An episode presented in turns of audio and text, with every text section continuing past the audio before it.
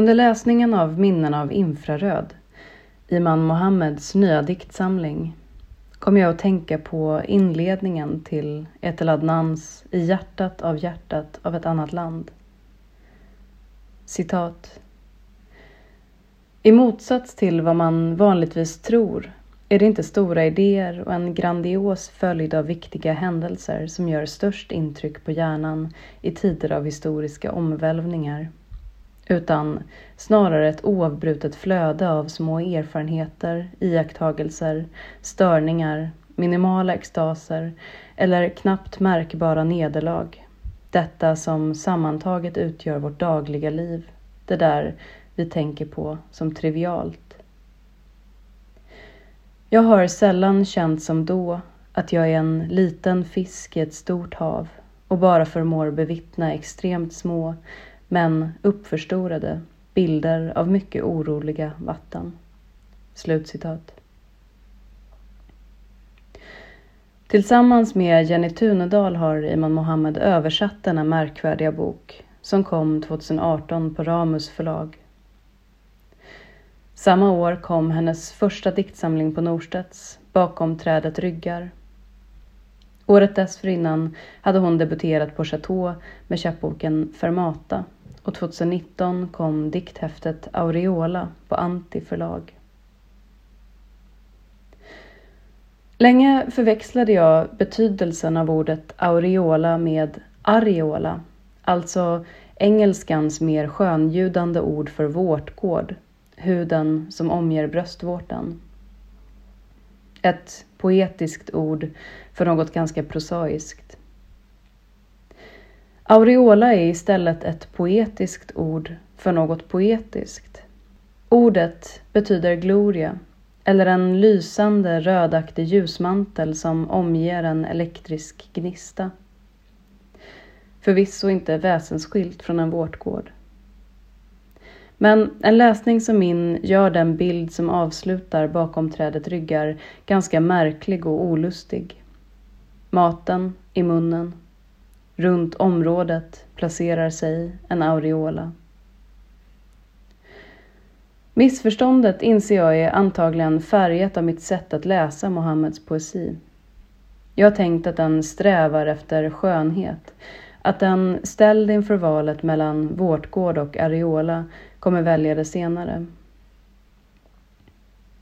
Bakom trädet ryggar avslutades med aureola.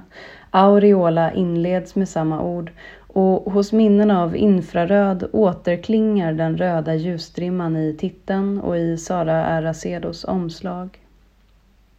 Det är som om samlingarna omges av samma gloria. Den mest påfallande skillnaden sinsemellan är kanske formen. Där den strama prosalyrik som dominerade bakom trädet ryggar placerades högt upp på sidan har texten nu halkat ner på bladet. Och det finns ett nytt tempo, ett slags andfådd intensitet där den tidigare samlingen var mer stillsam. Samtidigt råder en estetisk konsekvens, en påtaglig point of view som knyter de olika böckerna till varandra. Som om poeten riktat blicken mot olika platser i samma landskap utan att lämna det. I minnen av infraröd gestaltas minnet sådant det uppträder för den som minns, också för den som minns dåligt. I brottstycken, bilder, närbilder, detaljer, frågor. Ett flöde av erfarenheter och iakttagelser, som Adnan skriver. En annan association. Slutet av Annie Ernaux Åren, där ordet rädda följs av ett antal minnesbilder tappmaskinen för vin på Carrefour på Rue du Parmelan i Annecy. Filmen Människor utan betydelse. Två rader ur en dikt av Anna de Noailles. Jag stödde mig mot världens skönhet och jag höll årstidernas doft i mina händer. Sen, rädda någonting från tiden där man aldrig mer kommer att vara. Men det här projektet att rädda någonting från tiden där man aldrig mer kommer att vara är explicit hos Ernaux verkar spänningen mellan det eviga och ändliga snarare utgöra en förutsättning eller utgångspunkt för Mohammed. Det meningsfulla, intressanta med de erfarenheter som antyds i dikterna, dikternas händelser, är inte vad som hänt utan att det hänt och att minnet av detta kommer gå förlorat. Tiden framstår som oupphörlig och stillastående på samma gång. Vid ett tillfälle tar den gestalt i en uppstoppad räv, redo att attackera då den dödades. Fast i en handling som för alltid bara kommer vara anad, aldrig påbörjad, aldrig avslutad.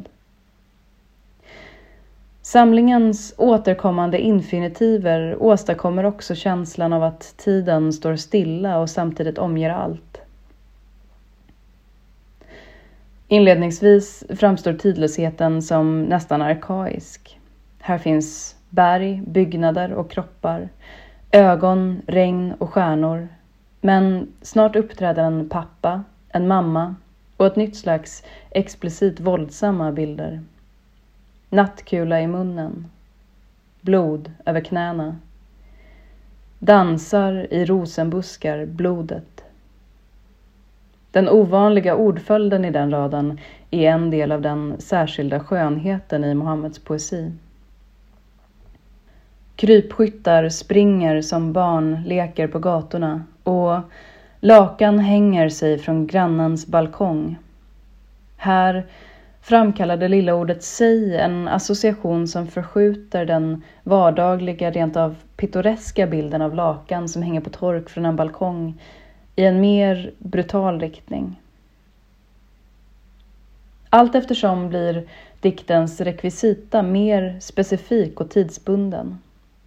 Nu finns ketchupreklam på tv, missiler, eyeliner och telefonkö. Den egyptiska skådespelaren Faten Hamama finns. Hennes död finns, men inte hennes minnen. Hennes hjärnceller förtvinade allt hon minns. Ett dikt-jag framträder nu också tydligare som kropp i en av samlingens dittills klaraste bilder. Citat. Lämnar sovrummet, flyter i dunjackan. Ångest gör mig blodlös. Mamma tog mig till en galleria. Vi sätter oss ner. Solen siktar på falafelfolien i våra händer. Takfönster häller ner ljus. Slutcitat. Dikten är på samma gång loj och spänd. Att flyta i dunjackan. Förnimmelsen av en galleria i vintersolljuset som takfönstret häller ner. Men också solen som siktar. Solen som krypskytt. Den stillsamma scenen blir hotfull och orolig. Diktjagets ångest konkret och påtaglig. Den ömsesidiga omsorgen mellan en mamma och en dotter ska också återkomma, som här. Citat. Dottern pussar mammans kläder när hon lämnar lägenheten, pussar hennes halsband, hennes skor, sätter på sig hennes läppstift. En ritual för att skydda. Flera år senare gick dottern in i en butik och letade efter samma läppstift, beskriv nyansen, mörkt rosa körsbär doppade i jordgubb. Slutcitat. Det är ett barnsligt sätt att beskriva en färg. Och jämförelserna med körsbär och jordgubbar frammanar en motstridig, krånglig färg som den vuxna dottern inte längre tycks ha tillgång till. Återstår bara minnet av sötma och överflöd. På ett liknande sätt framstår diktjagets matminnen som dekadent. Citat. Vita bönor kokar i tomatsås, curry, gurkmeja, bockhornsklöver. Dadlar med kardemumma steks långsamt i smör. Daddelmassan med deg trycks i en träform med ornamentala mönster. Slutcitat. Ordet långsamt Bilden av degen som trycks i en träform med ornamentala mönster gör bilden fyllig, aptitretande. I kontrast mot beskrivningen som kommer på nästa sida av hur jaget långt senare försöker imitera sin mammas matlagning. Citat. Hackar lök, lägger på en liten tallrik, skär tomaten, lägger på en annan, strimlar tunt bröd, skär citron, arrangerar som mamma gör. Där de vita bönorna som kokar i tomatsås följs av en uppräkning av aromatiska kryddor och dadlarna steks långsamt i smör. Det låter omsorgsfullt, lyxigt. Verkar den interpunktionslösa matlagning som skildras här istället jäktad, som en förtvivlad besvärjelse. Och maten, hur omhändertagande du än har varit, förblir smaklös i ensamheten, säger mamman. Pappan i dikten, i vars skuggblomma dottern brukat gå, är döende. Citat. Dottern håller i pappans hand. Stundtals rycker det till. Dödens rörelser innan den är inne i kroppen. Ser du trappsteg framför dörren? En trädgård bakom huset? Barnens huvuden bland träden? Det går inte att se en hel kropp. Flera objekt samtidigt sväva framför dina ögons mått. Slutcitat. Vad är det sista han ser framför sig? Hans sista minne? Det vet ingen. Somliga barndomsminnen framstår inte som diktjagets utan snarare som föräldrarnas. Grå sammetssoffa framför ett brunt bord. Stor rosa matta, tre barn i pyjamas. Bilden påminner om den blinde mannen i Sophie Kalls konstverk La dernière image från 2010. Den sista bilden. Där Kall fotograferat och intervjuat människor som förlorat synen i vuxen ålder om det sista de såg. Mannen svarar citat Det finns ingen sista bild. Jag förlorade synen gradvis. Men en bild återstår, den jag saknar. Tre barn som jag inte längre kan se, som sitter bredvid varandra och ser på mig. På vardagsrumssoffan där du sitter nu. Slutcitat. Han talar som från andra sidan av en avgrund, från andra sidan av ett slut, om det han en gång såg och aldrig mer ska se. Kall har fotograferat soffan han talar om. Till skillnad från den blinde mannen kan jag se den, men för mig saknar den betydelse. Och utan honom som tolk väcker åsynen av soffan knappast mer än frågan är den ful eller fin? Ibland har Mohammeds poesi kallats gåtfull eller mystisk. Förlaget använder det senare ordet om minnen av infraröd.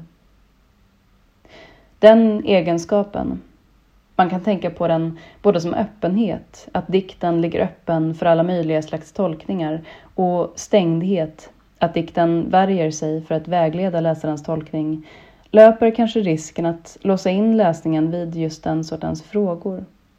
Är det fult eller fint? En dikt mot slutet av samlingen framstår nästan som en kommentar till läsaren. Citat. Förnimmer ett ord. Uttala det när vackert uppstår. När solen exploderar i sin storhet eller himlen blir lavendel får då höra att det jag säger om det vackra är vackert. Slutcitat.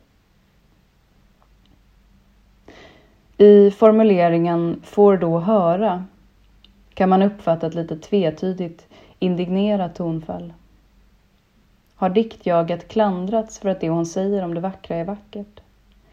Eller får diktjaget uppskattande höra att det hon säger om det vackra är vackert och invänder mot det tomma i komplimangen. Självklart är det jag säger om det vackra vackert. Varför skulle det inte vara det?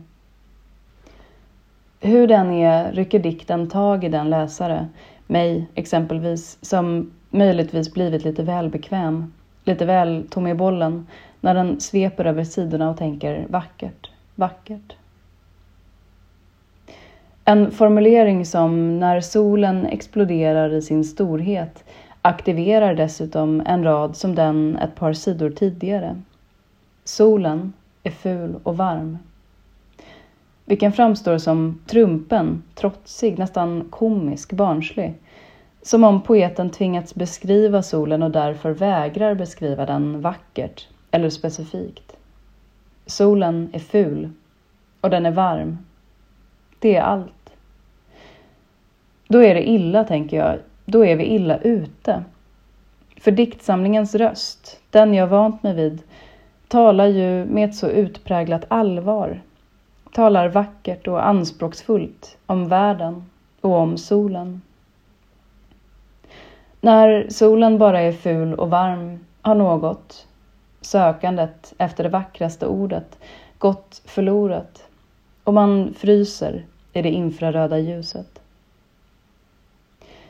Men lika gärna kan man läsa dikten som ett uttryck för förundran.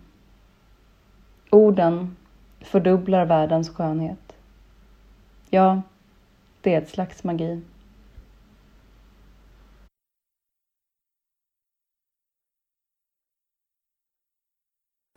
Den här recensionen är originalpublicerad på www.ornenochkrakan.se under ansvarigt utgivarskap.